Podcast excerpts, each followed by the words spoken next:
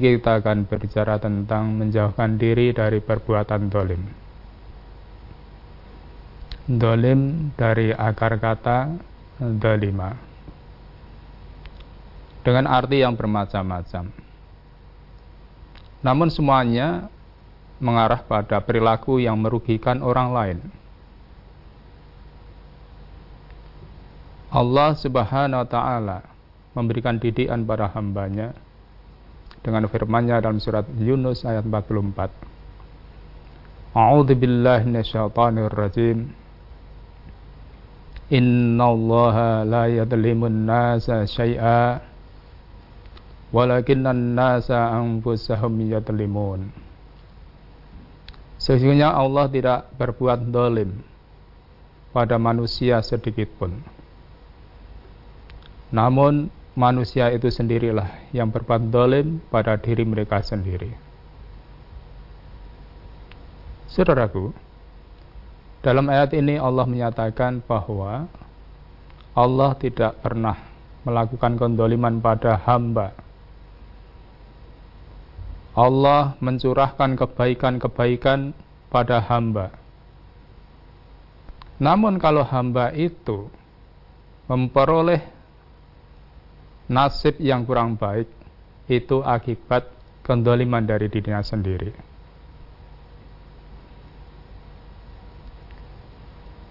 Maka dalam hadis kudsi Rasulullah Wasallam meriwayatkan dari firman Allah, Ya ibadi, hai hambaku, Inni haramtu dulma ala nafsi. Sesungguhnya aku mengharamkan kendoliman atas diriku.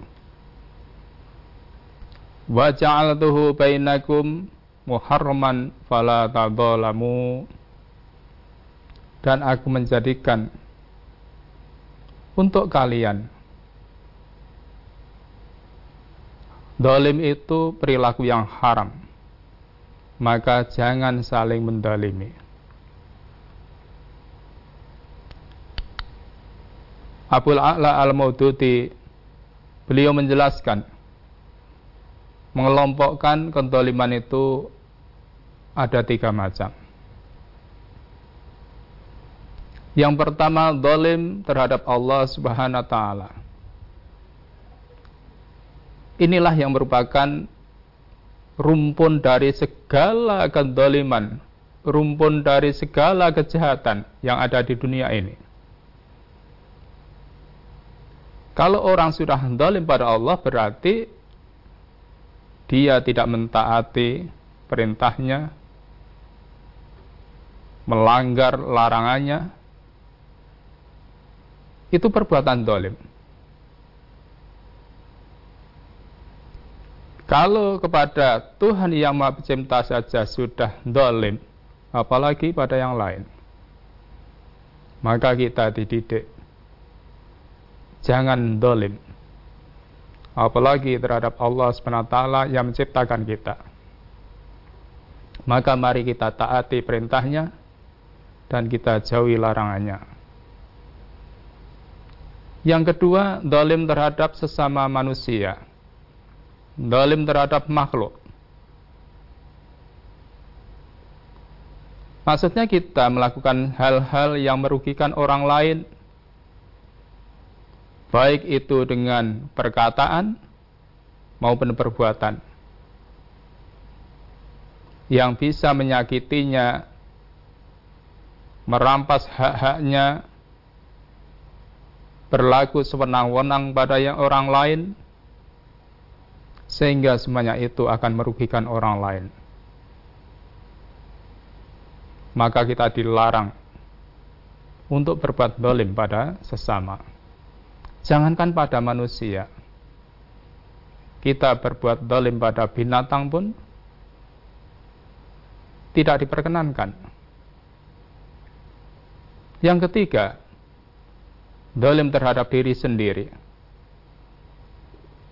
Tiap-tiap orang punya hak yang harus ditunaikan untuk dirinya sendiri. Tidak boleh dilanggar hak pribadi harus dipenuhi. Tidak menunaikan hak-hak pribadi itu berarti kita mendolimi diri kita sendiri. Maka setiap muslim hendaknya kita berusaha menghindarkan diri dari perbuatan dolim ini. Ukurannya sederhana saja. Jangan melakukan suatu perbuatan atau perkataan terhadap orang lain yang kita sendiri merasa keberatan kalau apa yang kita lakukan itu dilakukan orang lain kita keberatan. Maka ya jangan melakukan sesuatu pada orang lain seperti yang kita sendiri tidak suka kalau itu dilakukan pada kita. Maka kalau dalam bahasa Jawa kita dididik tepo seliro ditepake ning awake dhewe itu kalau bahasa Jawa. Maka kalau orang lain tidak suka kita perlakukan yang kurang baik, tentu kita juga tidak suka kalau orang lain itu melakukan sesuatu yang kita rasakan kurang baik. Saudaraku, maka Nabi kita Shallallahu Alaihi Wasallam memperingatkan An Jabirin radhiyallahu an anna Rasulullah sallallahu alaihi wasallam qol Ittaqud dhulma fa inna dhulma dhulumatu yaumal qiyamah. Dari Abu Jabir radhiyallahu an sesungguhnya Rasulullah sallallahu alaihi wasallam bersabda Jauhkanlah kalian dari berlaku zalim karena sungguhnya berlaku dolim itu menyebabkan kegelapan pada hari kiamat kelak. Hadis riwayat Muslim. Maka dalam hadis riwayat Bukhari juga diketengahkan di sana. An Abi Hurairah radhiyallahu an anin Nabi sallallahu alaihi wasallam. beliau bersabda, mangkanat indahu mutlimatun li akhihi. Barang siapa yang melakukan kendoliman pada saudaranya min airdin dalam bentuk menjatuhkan kehormatan mensemparkan nama baiknya au min syai'in atau yang lain. Faliyatahallalhu minhul yauma maka hendaklah segera minta dihalalkan pada hari ini. Segera minta maaf. Min qabli yakuna dinaron wala dirhaman. Sebelum tidak berlakunya dinar dan dirham, maksudnya apa? Kalau orang sudah mati, kan dia tidak bisa menggunakan hartanya maka kita kita supaya hati-hati. Kalau kita terlanjur berbuat pada saudara kita, segera minta maaf. Ini petunjuk dari Rasulullah SAW supaya kita selamat. Maka hati-hati kita dalam hal bicara, hati-hati dalam berbuat. Jangan pembicaraan kita, perbuatan kita mengarah pada perbuat kedoliman, yang itu akan mencemarkan nama baik orang lain yang begini ini berbahaya untuk diri kita. Ingkan alahu amalun soleh. Kalau dia tidak mau minta maaf, jika dia mempunyai amal kebaikan, ukhida minhu biqadri matlamatihi maka akan diambilkan dari kebaikannya itu kadar kedoliman yang dilakukan. Sehingga yang berbuat baik itu kita, yang menerima kebaikan orang lain. Kita rugi kita hidup ini. Kita berbuat baik. Tapi nanti kalau kita berbuat dolim, pahalanya diambil oleh orang lain. Wa ilam takun lahu hasanatun. Kalau dia tidak punya kebaikan, ukhida min sayyiati sahibihi fahumila alaih akan diambilkan keburukan-keburukan dari saudaranya tadi yang dintolimi tadi ditimpakan pada dirinya. Hadis Sirat Bukhari maka kita hati-hati. Ternyata kendoliman ini kadangkala kita tidak merasakan kalau kita berbuat dolim. Maka kita, mari kita jaga betul diri kita, kita jaga lisan kita, kita jaga perbuatan kita, jangan sampai mudah-mudah terjerumus pada kedoliman. Dalam hadis lain, Nabi kita Shallallahu Alaihi Wasallam juga memberikan petunjuk. Ani bani Abbasin radhiyallahu anna Rasulullah sallallahu alaihi wasallam ba'asa Mu'ad ilal Yaman. Rasulullah pernah mengutus Mu'ad bin Jabal ke negeri Zaman. Faqala maka Rasulullah berpesan Ittaqi da'watal madlumi Hei Mu'ad takutlah kamu doanya orang yang terdolimi Fa innahu laisa bainaha wa bainallah hijabun. Karena antara orang yang didolimi dengan Allah tidak ada hijab. Maksudnya doanya terkabul. Apalagi kalau yang didolimi itu orang yang lemah. Sehingga tidak punya pembela kecuali hanya Allah. Dia mengadukan apa yang dialami kepada Allah maka akan kabul. Maka kita hati-hati. Maka di sini kita dididik. Jangan meremehkan perilaku kedoliman ini. Karena doanya orang yang dolim itu dikabulkan oleh Allah SWT. Ya kalau dia berdoa itu yang baik. Kalau dia berbuat baik untuk dirinya sendiri, Allah kabulkan. Kalau mendoakan tidak baik, itu berbahaya. Kemudian dalam hadis yang lain, An Abi Hurairah radhiyallahu anhu qala Rasulullah sallallahu alaihi wasallam Da'watu matlumin mustajabun Doanya orang yang terdolimi itu terijabai oleh Allah SWT. Wa ingkana fajiran, walaupun dia orang durhaka, walaupun dia orang kafir sekalipun. Fabujuruhu ala nafsihi, kedurhakaan, kekafiran, itu urusan dirinya dengan Allah. Namun kita sebagai hamba, makhluk hidup di dunia ini, tidak boleh saling mendalimi kita supaya saling menghargai, saling menjaga. Itulah Islam mendidik pada kita.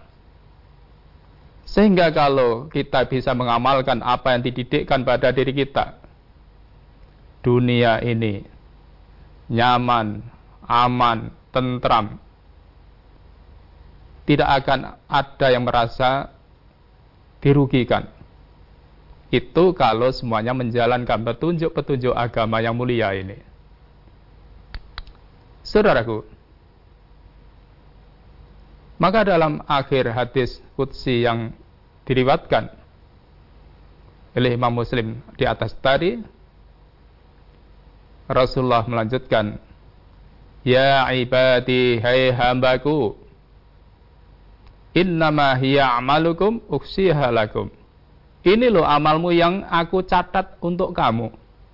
Nanti Allah akan firmankan begitu. Summa uwafiyakum iyaha. Aku sempurnakan balasannya. Kalau kita berbuat baik, Allah sempurnakan pahalanya. Kalau kita berbuat dolim, berbuat tidak baik, Allah juga sempurnakan. Walaupun mungkin di dunia belum menerima akibatnya, tapi di akhirat pasti itu akan diterima.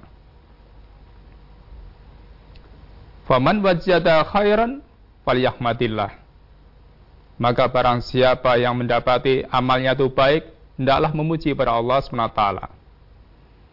Karena kita diberi pertolongan oleh Allah SWT untuk bisa menghindarkan diri dari perbuatan kedoliman. Kita diberi pertolongan Allah untuk bisa menghindarkan diri dari perbuatan yang bisa merugikan orang lain.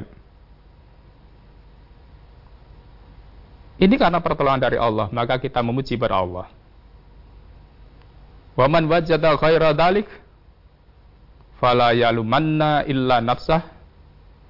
Kalau yang didapati itu catatan yang buruk, maka jangan mencela, jangan mencaci kecuali pada dirimu sendiri. Kenapa tidak mengikuti petunjuk? Ini peringatan dari Allah SWT. Saudaraku, semoga kita dalam menjalani hidup ini betul-betul kita perhatikan kebaikan untuk diri kita sendiri.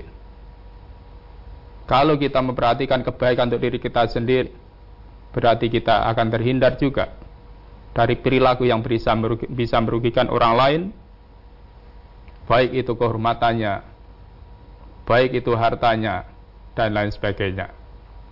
Itulah saudaraku, betapa bahayanya perbuatan dolim yang akan menyebabkan kegelapan nanti di hari kiamat. Semoga yang sedikit ini bisa kita amalkan sehingga kita menjalin hidup mudah-mudahan dalam kehidupan yang menyelamatkan diri kita sendiri. Begitu saudaraku, semoga bermanfaat untuk saya dan kita semuanya. Terima kasih. Ya, baik pemirsa, kami harapkan Anda bisa bergabung bersama kami di line telepon 0271 6793000 SMS dan juga di WA kami di 08 11 255 3000. Namun sebelumnya kita akan simak beberapa informasi dalam rangkaian jeda pariwara berikut ini.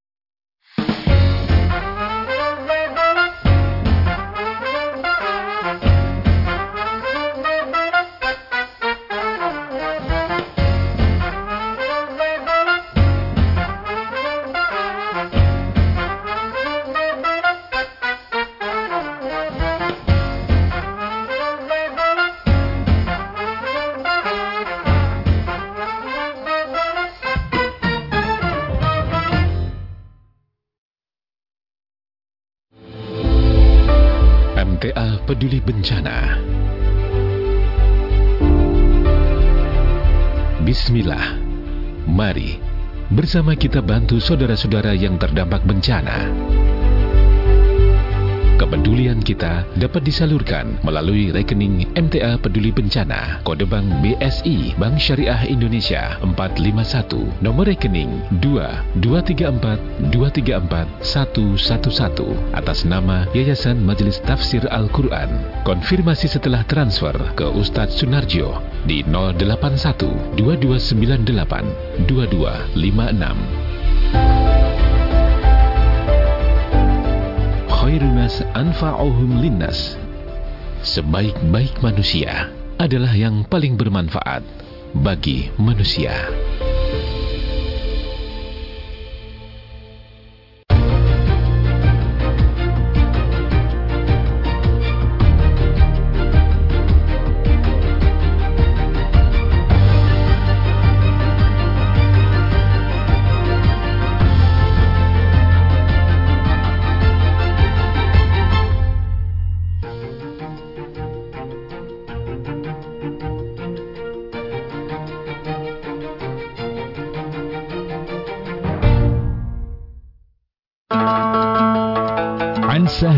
سعد عن النبي صلى الله عليه وسلم قال أنا وكافل اليتيم في الجنة هكذا وقال بأسبوعيه السبابة والوسطى رواه البخاري Dari Sahal bin Sa'ad dari Nabi Sallallahu Alaihi Wasallam beliau bersabda, Saya dan orang yang memelihara anak yatim seperti ini di surga.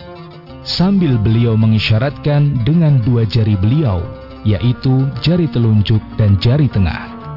Hadis riwayat Bukhari, juz 7, halaman 76. Masya Allah, betapa menggembirakannya kabar ini untuk kita. Pemirsa MTA TV dan pendengar Persada FM, Majelis Tafsir Al-Quran membuka program santunan bagi anak yatim dan fakir miskin. Salurkan uluran tangan Anda melalui BSI atau BSM di nomor rekening 5523466234 atas nama Sumito atau UB Syariah MTA di nomor 1110101554 atas nama Sumito QQ Santunan. Semoga keikhlasan Anda menjadi kunci pembuka surganya Allah. Amin ya rabbal alamin. أعوذ بالله من الشيطان الرجيم يا أيها النبي قل لأزواجك وبناتك ونساء المؤمنين يدنين عليهن من جلابيبهن ذلك أدنى أن يعرفن فلا يؤذين وكان الله غفورا رحيما Hai Nabi, katakanlah kepada istri-istrimu anak-anak perempuanmu, dan istri-istri orang mukmin. Hendaklah mereka mengulurkan jilbabnya ke seluruh tubuh mereka. Yang demikian itu supaya mereka lebih mudah untuk dikenal, karena itu mereka tidak diganggu. Dan Allah adalah Maha Pengampun, lagi Maha Penyayang. Quran Surat Al-Ahzab ayat 59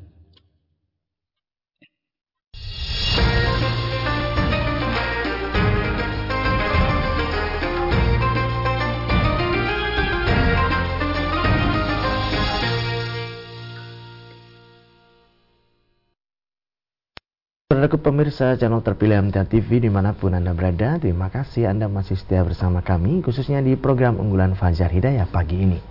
Kesempatan pertama kami persilakan di line telepon 02716793000 untuk bisa bergabung. Halo, Assalamualaikum. Halo. Assalamualaikum. Waalaikumsalam warahmatullahi wabarakatuh. Dengan Dari siapa? Pak Tunggal, Mas. Ya, Pak Tunggal. Eh, gini yang saya tanyakan Ustaz eh, yang hadis dan doa yang subuh kemarin itu kan membacanya suruh eh, dalam doa dalam sholat itu ya. Itu dibaca habis sholat atau sholat waktu apakah boleh? Kalau di dalam sholat pas posisi di mana yang bacanya? Terus yang kedua ini Ustaz itu kan Allahumma ini as'aluka sabata itu pakai sa atau pakai sin itu ya fil amri fil itu pakai v pakai anu fa itu aja tolong dijelaskan. Pak Tunggal, Pak Tunggal. ya ya Ya. Tolong yang nomor satu diulangi pertanyaan pelan-pelan. oh ini Nah, itu kan suruh baca di dalam sholat Ya. itu dibaca di luar sholat apakah boleh kalau pas posisi sholat itu bacanya pas eh, posisi di mana Ini baca apa, Pak Tunggal? doa itu loh doa yang kemarin itu loh Doa kemarin itu yang apa itu? As'aluka sabata fil amri itu loh kan bacaan di dalam sholat katanya apakah boleh di luar sholat gitu ya makasih assalamualaikum Waalaikumsalam warahmatullahi wabarakatuh. Ya, Pak Tunggal ya. Yang pertama, doa yang sebagaimana kemarin itu, itu boleh dibaca di luar sholat. Jadi setelah selesai sholat, kita doa pakai itu. Jadi, kalau mau dibaca ketika sholat, ya sujud akhir itu. Ketika kita sholat sunnah, kita sujud bisa membaca kalau di luar sholat juga boleh dan itu Dibaca setiap saat juga boleh, namanya doa. Kemudian yang kedua, kalimatnya pakai sa, Pak, bukan sin. Jadi sabata. Jadi sebagaimana doa yang lain kan ya muqallibal qulub sabit. Sabit. Tadi sa. Sabata itu mohon untuk supaya kita dikokohkan, dikuatkan. Jadi bukan sin, namun sa. Begitu Bapak Tunggal, semoga bisa dipahami. Ya. Kita bacakan Ustadz yang di SMS dan di WA dari Ibu Yani di Yogyakarta. Ustadz, jika kita mendapatkan voucher diskon atau gratis ongkos kirim dengan syarat harus minimal berbelanja dalam harga tertentu. Apakah yang demikian boleh kita ambil voucher tersebut Ustadz? Ya, Ibu di Jogja ya. Jadi kalau ibu mendapat seperti itu, ya boleh aja diambil. Kalau ibu mau, silahkan diambil. Nggak ada larangan itu. Maka kalau ibu mau memenuhi persyaratan yang ditentukan oleh pihak yang akan memberikan tadi, boleh diambil. Kalau ibu mau memenuhi persyaratannya tadi. Maka yang begitu itu hal yang mubah. Boleh. Tidak ada larangan. Begitu Ibu, semoga bisa dipahami. Baik, kita beralih di line telepon kembali. Kami persilahkan di 02716793000. Halo, Assalamualaikum. Halo, Assalamualaikum.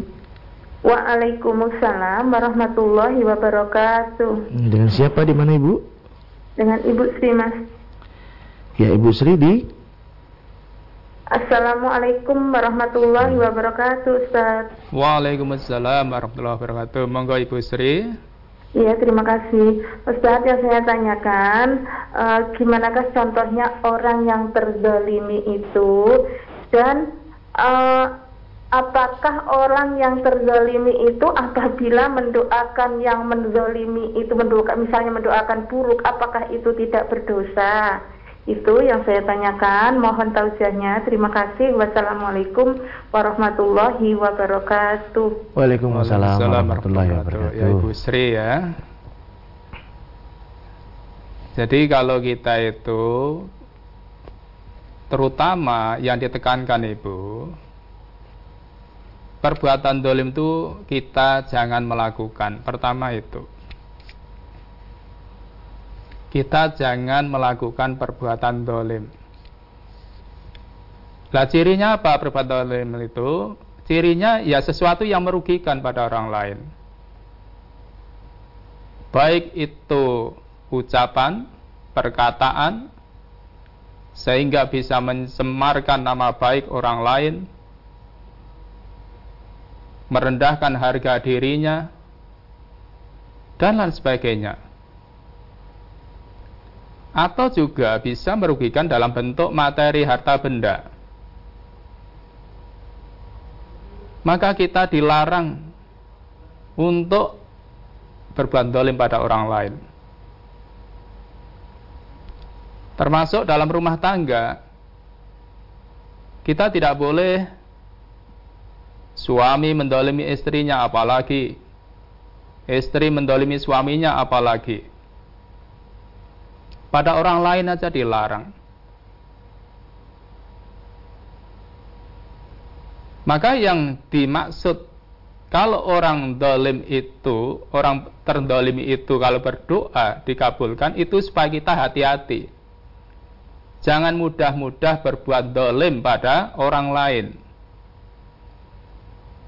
Kalau orang yang terdolimi sampai jerit pada Allah, berdoa pada Allah kan itu sudah kebangetan itu.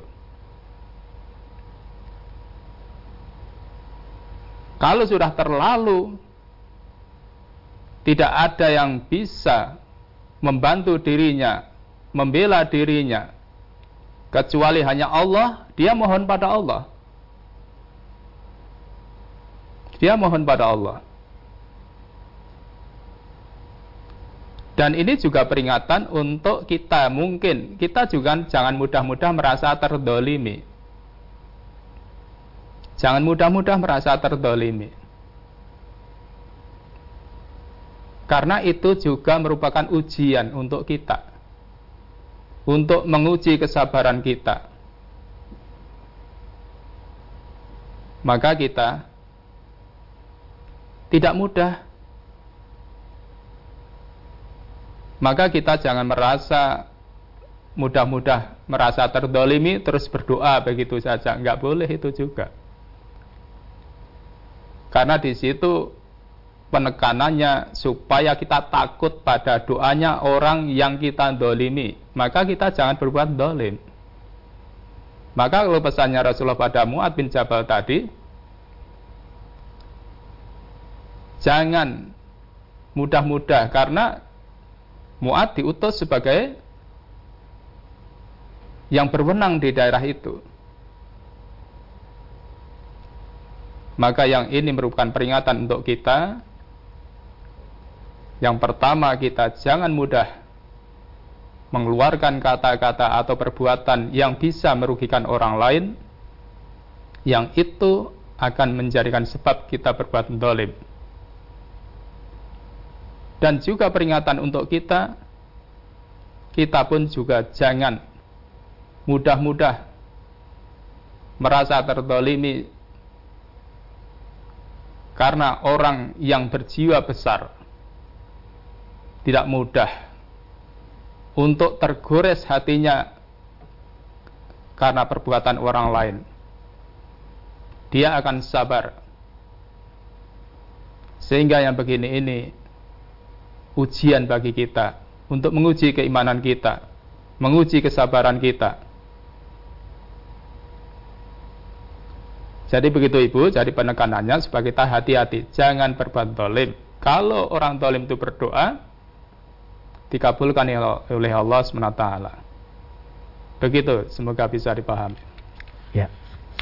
Kita bacakan pertanyaan berikutnya Ustaz di SMS dan di WA dari Ibu Siti Rohani di Hong Kong menanyakan mohon tausiahnya Ustaz saya pergi ke Hong Kong sudah 8 tahun Ustaz dan belum pernah cuti selama saya di Hong Kong suami saya tidak pernah menafkahi keempat anak kami mereka yang dira mereka dirawat sama bapak dan ibu saya 8 tahun juga lamanya dan saya sudah putus kontrak sekitar tujuh tahun. Saya memutus kontrak. Oh, saya putus kontak. Ya, mohon maaf ya. Saya putus kontak selama tujuh tahun. Berarti sudah tidak ada komunikasi, Ustaz. Ya. Saya memutuskan kontak, Ustaz. Apa, apakah saya dosa dengan alasan memutuskan kontak tersebut? Karena setiap kali telepon suami pasti suruh beli tanah, beli rumah dan sebagainya. Di samping itu, saya harus mengirimkan buat keempat anak kami dan juga melunasi hutang waktu bersama suami. Mohon tahu saya Ustaz dan terima kasih demikian. Ya. Ibu Ya Ibu Ibu Siti Rohani. Ya Ibu Siti Rohani ya di Hong Kong ya. Jadi putus kontak ya, jadi tidak komunikasi lagi. Jadi Ibu ya, yang pertama yang perlu diingat niat Ibu dulu ke Hong Kong itu apa? Dan Ibu tidak mungkin sampai Hong Kong kalau tidak mendapatkan izin dari suaminya. Ibu tidak mungkin sampai Hong Kong kalau tidak mendapatkan izin dari suami. Maka tetap disambung hubungan yang baik. Apalagi sudah delapan tahun. Maka yang begini ini tentunya jangan menjadikan sebab rusaknya rumah tangga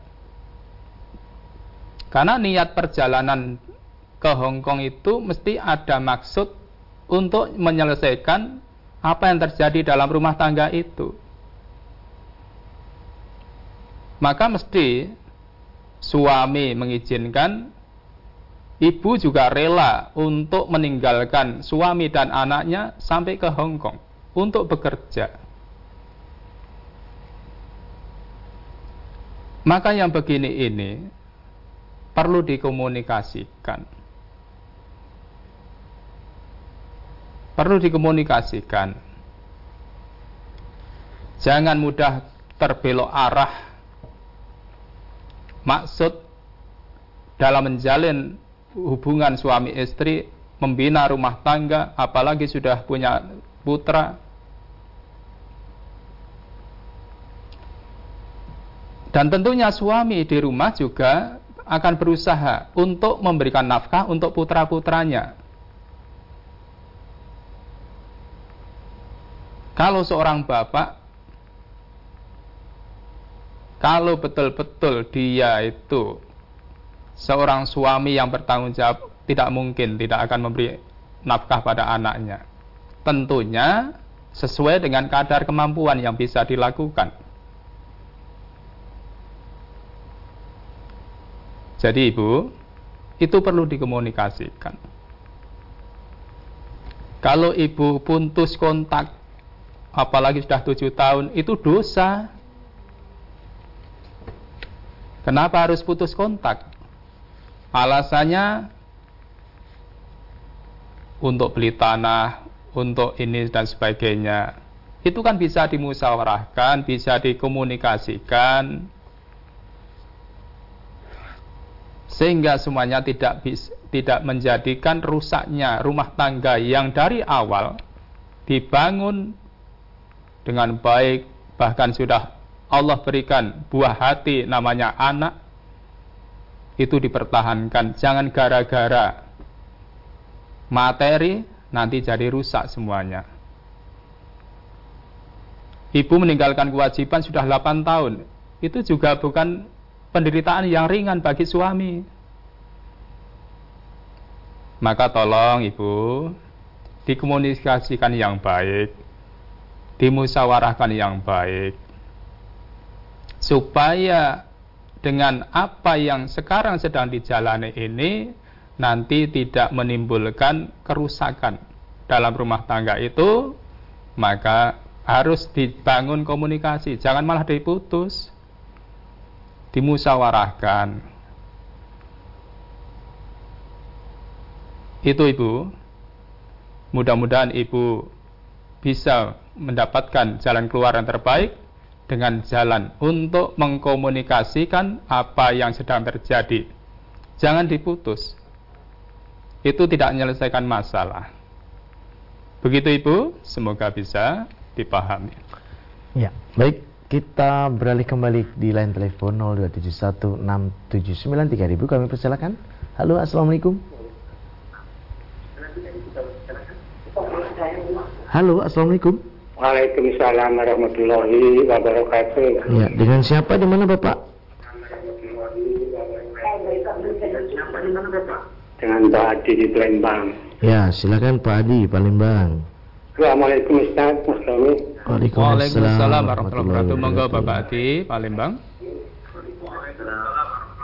Kini Pak Ustaz, ada seorang ibu dioperasi karena bayinya mati dalam kandungan. Sudah seminggu. Pas tujuh hari itu hari ini diadakan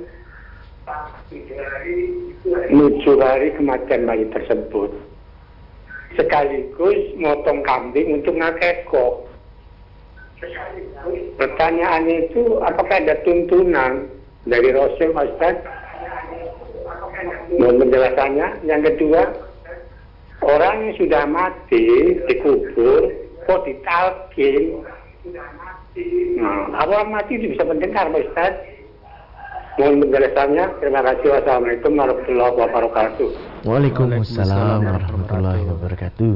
Jadi yang pertama Bapak ya, jadi ada seorang ibu operasi karena anaknya sudah meninggal di kandungan. Kemudian hari ini pas tujuh hari mau diakekoi itu tidak dituntunkan Bapak. Jadi kalau akekah itu urusannya dengan yang hidup. Bayi yang hidup. Jadi kalau yang sudah mati tidak perlu diakekoi. Maka yang begini ini juga perlu kita perhatikan.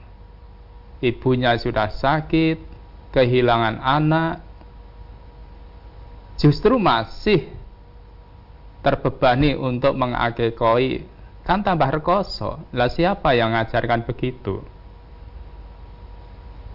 Maka tentunya konsentrasinya bagaimana untuk pemulihan ibu itu biar cepat sehat,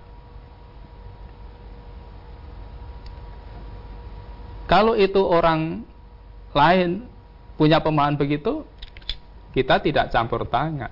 Namun kalau kita bicara tentang Islam tidak mengajarkan begitu. Karena yang diakeko itu bayi yang hidup. Itu yang pertama. Kemudian tentang mentalkinkan orang yang sudah dikubur. Jadi kalau kalimat laqinu mautakum bila ilaha illallah itu orang yang akan meninggal. Orang yang akan meninggal. Itu supaya dituntun untuk diingatkan membaca la ilaha illallah. Bagi orang yang sudah mati tidak bisa ditalkenkan tidak bisa. Itu kalau kita bicara tentang kebenaran ajaran dari Islam. Lah bagi mereka yang melakukan seperti itu, kita berlepas tangan. Kita tidak ikut campur tangan. Jadi begitu Bapak, semoga bisa dipahami. Baik, masih ada kesempatan saat kita bacakan yang ada di SMS dari Bapak Yanto di Purbalingga. Menanyakan, Ustadz, saya kalau sholat membaca tasahud tidak membaca Sayyidina Muhammad, tapi membaca Allahumma sholli ala Muhammad dan seterusnya. Apakah yang saya lakukan tersebut sudah benar Ustadz? Mohon tasiahnya.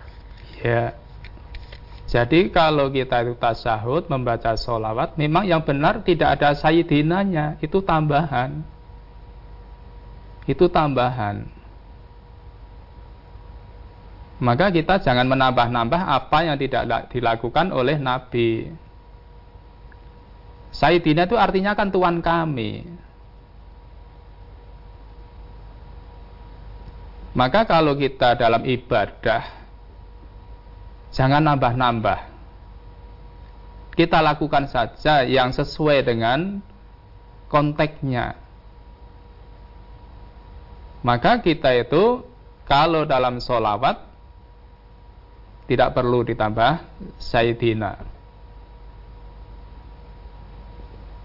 Jadi sudah betul Bapak. Begitu, semoga bisa dipahami. Ya. Kami persilakan kembali di line telepon 6793000. Halo, Assalamualaikum. Halo, Assalamualaikum. Halo. Ya, halo. Ya, halo, Assalamualaikum. Halo. Assalamualaikum. Waalaikumsalam warahmatullahi wabarakatuh. Waalaikumsalam warahmatullahi wabarakatuh. Ya, dengan Bapak siapa ini? Dengan Bapak kami di di Martapura Banjarmasin. Bapak Kani di Banjarmasin ya? Ya. Betul ya. Ustaz. Iya, silakan Pak Kani. Ya, Assalamualaikum Ustaz. Ini yang ini yang saya tanyakan gini Ustaz. Saya tadi mendengar di radio ada tausiah tadi dari Ustaz. Dia hmm. menjelaskan masalah tasawuf, tarikot tarikot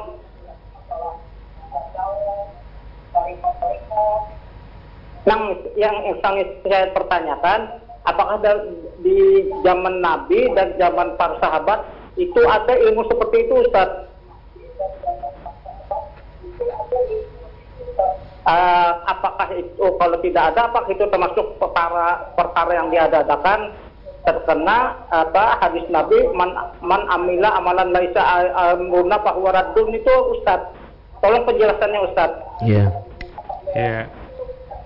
Jadi Bapak Kani ya di Terima kasih Ustaz ya. atas waktunya. Assalamualaikum warahmatullahi wabarakatuh. Waalaikumsalam warahmatullahi wabarakatuh. Jadi Bapak ya. Jadi kalau Bapak mendengarkan di radio tentu bukan ini tadi ya. Jadi kalau Bapak mendengar kalimat torikot. Torik itu apa? Jalan. Aliran. Torikot itu aliran Bapak. Jadi kalau bicara torekot, torekot itu aliran. Maka kalau kita orang Islam, jangan banyak mengikuti aliran-aliran yang di luar Quran dan Sunnah. Dah kita ikuti bagaimana petunjuk Al-Quran, petunjuk As-Sunnah. Memang itu yang ditinggalkan Rasulullah pada umat Islam. Maka kita tidak perlu bingung mendengar kalimat torikot. Torikot dari kata toriko. Torik itu kan jalan. Aliran. Sekte gitu ya. Kalau lebih luas lagi. Jadi kita kalau sebagai orang Islam. Kita tetap pegang teguh pada petunjuk yang diajarkan pada kita. Yaitu Al-Quran dan Sunnah sehingga kita bisa terhindar dari namanya yang dimaksud di depan tadi sehingga kita jangan terjebak pada hal-hal yang kadangkala di luar petunjuk Al-Quran dan petunjuk sunnah yang menjadikan kita pasti tersesat jalan. Begitu Bapak, semoga bisa dipahami. Ya, bagus sekiranya sudah di penghujung perjumpaan kali ini ada yang bisa sampaikan sebagai nasihat silakan Ustaz. Iya. Saudaraku pemeriksa dan mendengar di mana pun berada yang secinta yang saya hormati. Jadi kita dididik oleh Allah dan Rasulnya bagaimana dalam hidup supaya kita bisa menyelamatkan diri kita. Maka di antaranya kita dididik jangan berbuat kendoliman Karena bagaimanapun kita juga tidak suka kalau orang lain berbuat pada kita. Maka kita jangan melakukan kendoliman pada orang lain. Itulah yang menjamin kehidupan ini akan rukun, damai, tentram, baik untuk pribadi, untuk keluarga, maupun masyarakat kita. Maka alangkah indahnya Islam ini kalau kita bisa mengamalkan. Islam mengajak pada hidup yang damai, hidup yang tentram. Maka kita hindarkan diri kita. Baik itu ucapan maupun perbuatan yang kalau kita lakukan bisa merugikan orang lain, itu harus kita hindarkan.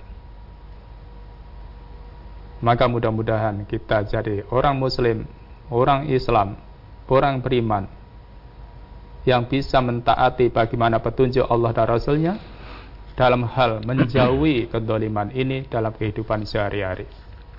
Begitu saudaraku, semoga bermanfaat untuk saya dan kita semuanya. Terima kasih. Ya. Baik Ustaz, kami sampaikan terima kasih atas tausiah dan pelajarannya pagi ini. Assalamualaikum warahmatullahi wabarakatuh. Waalaikumsalam warahmatullahi wabarakatuh. Baik saudaraku pemirsa channel terpilih MTA TV di mana pun Anda berada Demikian tadi telah kita simak dan ikuti bersama program unggulan Fajar Hidayah pagi ini Kita jumpa kembali di kesempatan mendatang Dan saya Tommy Al-Fatani pamit undur. Alhamdulillahirrahmanirrahim Subhanakallahumma wa bihamdika. Asyadu ala illa anta astaghfirullah wa atubu Assalamualaikum warahmatullahi wabarakatuh